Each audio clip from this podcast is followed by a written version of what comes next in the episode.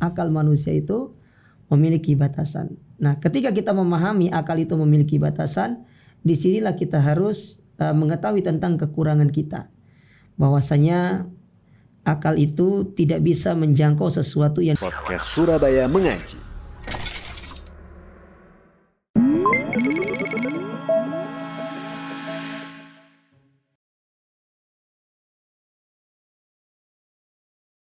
Bismillahirrahmanirrahim. Assalamualaikum warahmatullahi wabarakatuh. Alhamdulillah wassalatu wassalamu ala rasulillahi amma ba'du.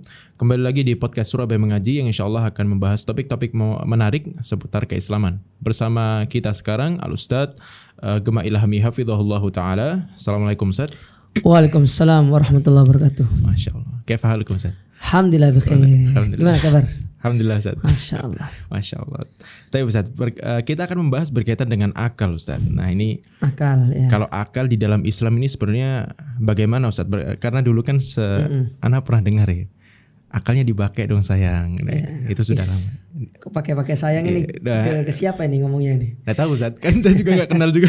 Ya, kadang kita sering dengar itu open your mind gitu kan. Nah, open your mind. Nah itu sebenarnya gimana Ustaz kalau di dalam Islam tuh Ustaz? Akal. Ya. Alhamdulillah wassalatu wassalam ala rasulillah amma ba'd. Salah satu nikmat yang Allah berikan kepada kita itu kan akal ya. Akal. Allah berikan kepada kita nikmat akal. Ini salah satu nikmat yang besar tentunya. Yang mana dengan akal itu ya kita bisa memikirkan tentang kebesaran Allah tentunya. Hmm. Kan itu yang Allah perintahkan di dalam Al-Qur'an. Inna fi khalqis samawati wal arwah ikhtilafil laili wan nahar la ayatun li ulil albab. Nah. Ya, sesungguhnya dalam penciptaan siang, malam, langit dan bumi ada tanda-tanda kebesaran Allah bagi orang-orang yang mau berpikir. Berpikir. Artinya dia menggunakan akalnya untuk berpikir. Berpikir. Ya. Nah, akal ini satu hal yang luar biasa juga karena Islam ketika Allah menurunkan agama yang mulia ini di antara tujuannya untuk menjaga akal yang kita kenal dengan istilah maqasid as-syariah namanya. Hmm. Yaitu ada lima hal yang menjadi tujuan utama syariat ini diturunkan oleh Allah Ta'ala. Nah salah satunya adalah hifdzul akal. Menjaga akal.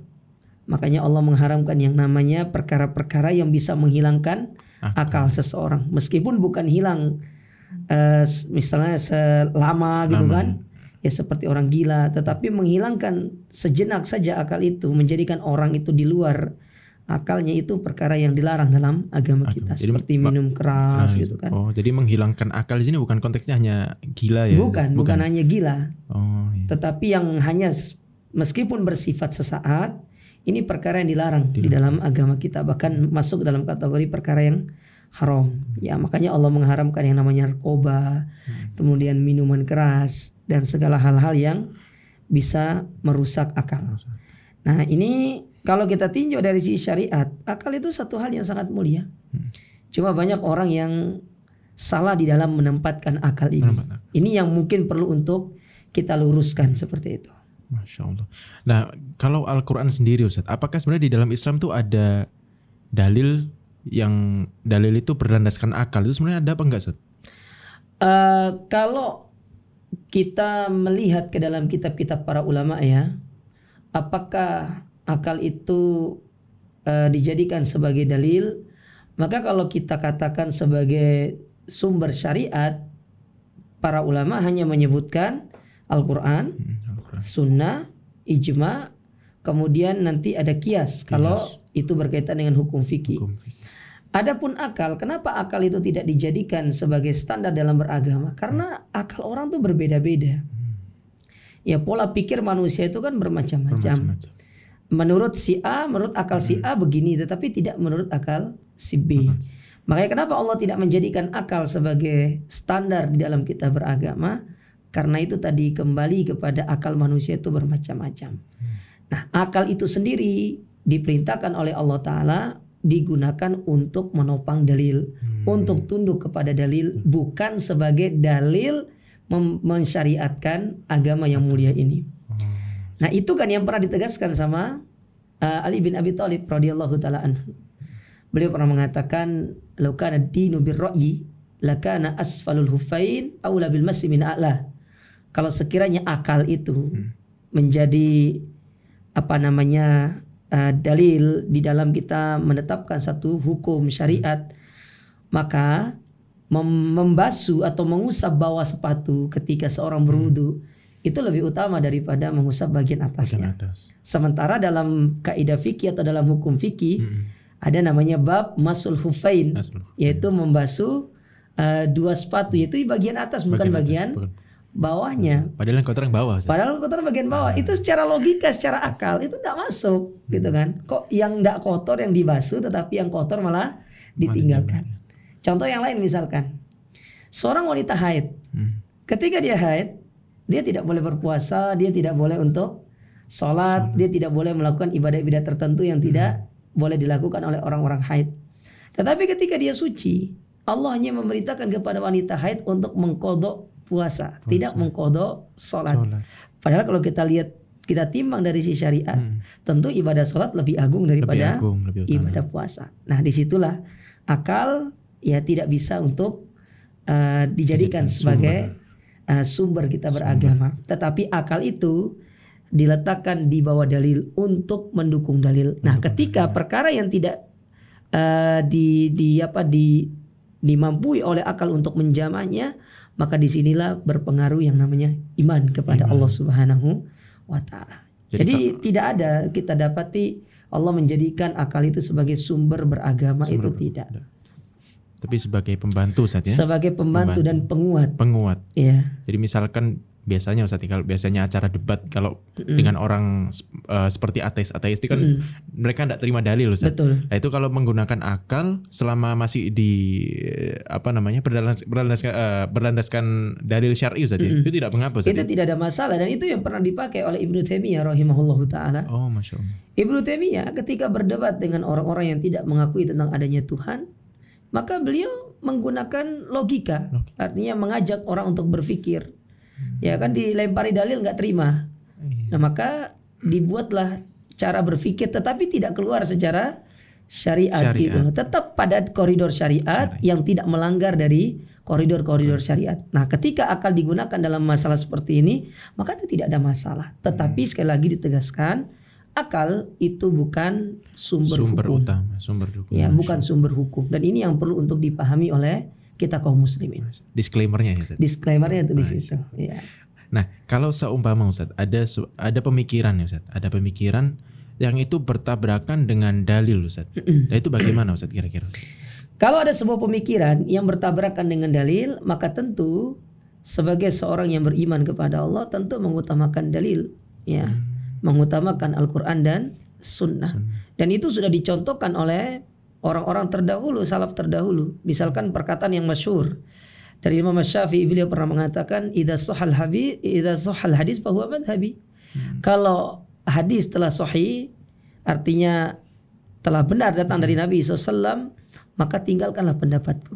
Artinya kan beliau menyuruh untuk meninggalkan pendapat-pendapat beliau kalau memang dalil dari Al-Quran dan Sunnah sudah jelas. Nah, nah kalau kita mendapati hal demikian, dalil mengatakan A, akal kita ternyata eh, tidak bisa menjangkau hal tersebut, maka kita tinggalkan akal kita dan kita beriman kepada dalil tersebut baik dari Al-Quran dan Sunnah. Kita kembali lagi kepada eh, patokan awal yang dibuat oleh Ali bin Abi Thalib.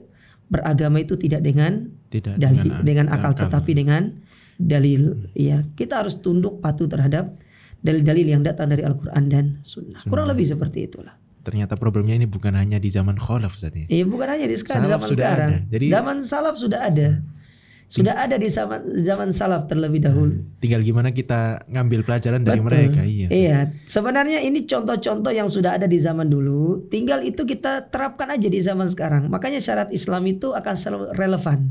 Hmm. Baik setiap zaman, setiap generasi, ya di mana pun, kapan pun akan selalu relevan untuk kita terapkan dalam kehidupan. Kehidupan, masya Allah.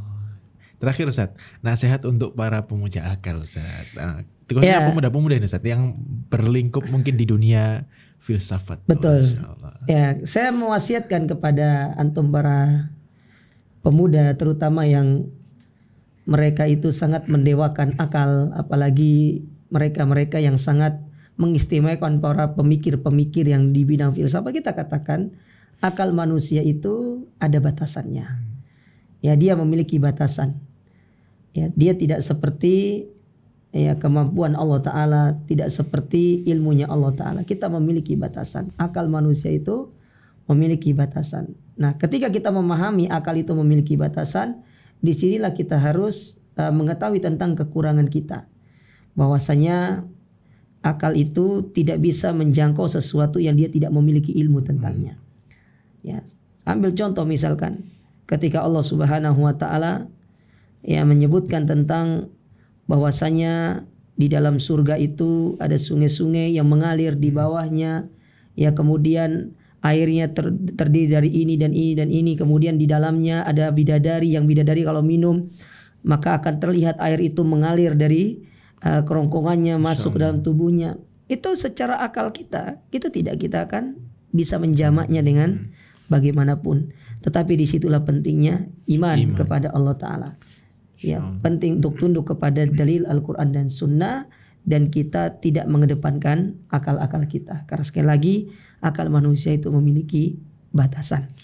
Ya jadi tidak usah jauh-jauh lah sebenarnya kita ambil dari Al-Quran dan uh, kita ambil dari tentang surga ya tentang ruh saja tidak ada yang bisa menggambarkan ruh seseorang itu seperti apa. Mau orang berakal, mau se sejago filsafat apa pun, dia tidak akan bisa menggambarkan ruh itu seperti apa. Karena Allah sudah mengatakan kulir ruh min amri rabbi. Ruh itu merupakan urusan Allah Subhanahu wa taala.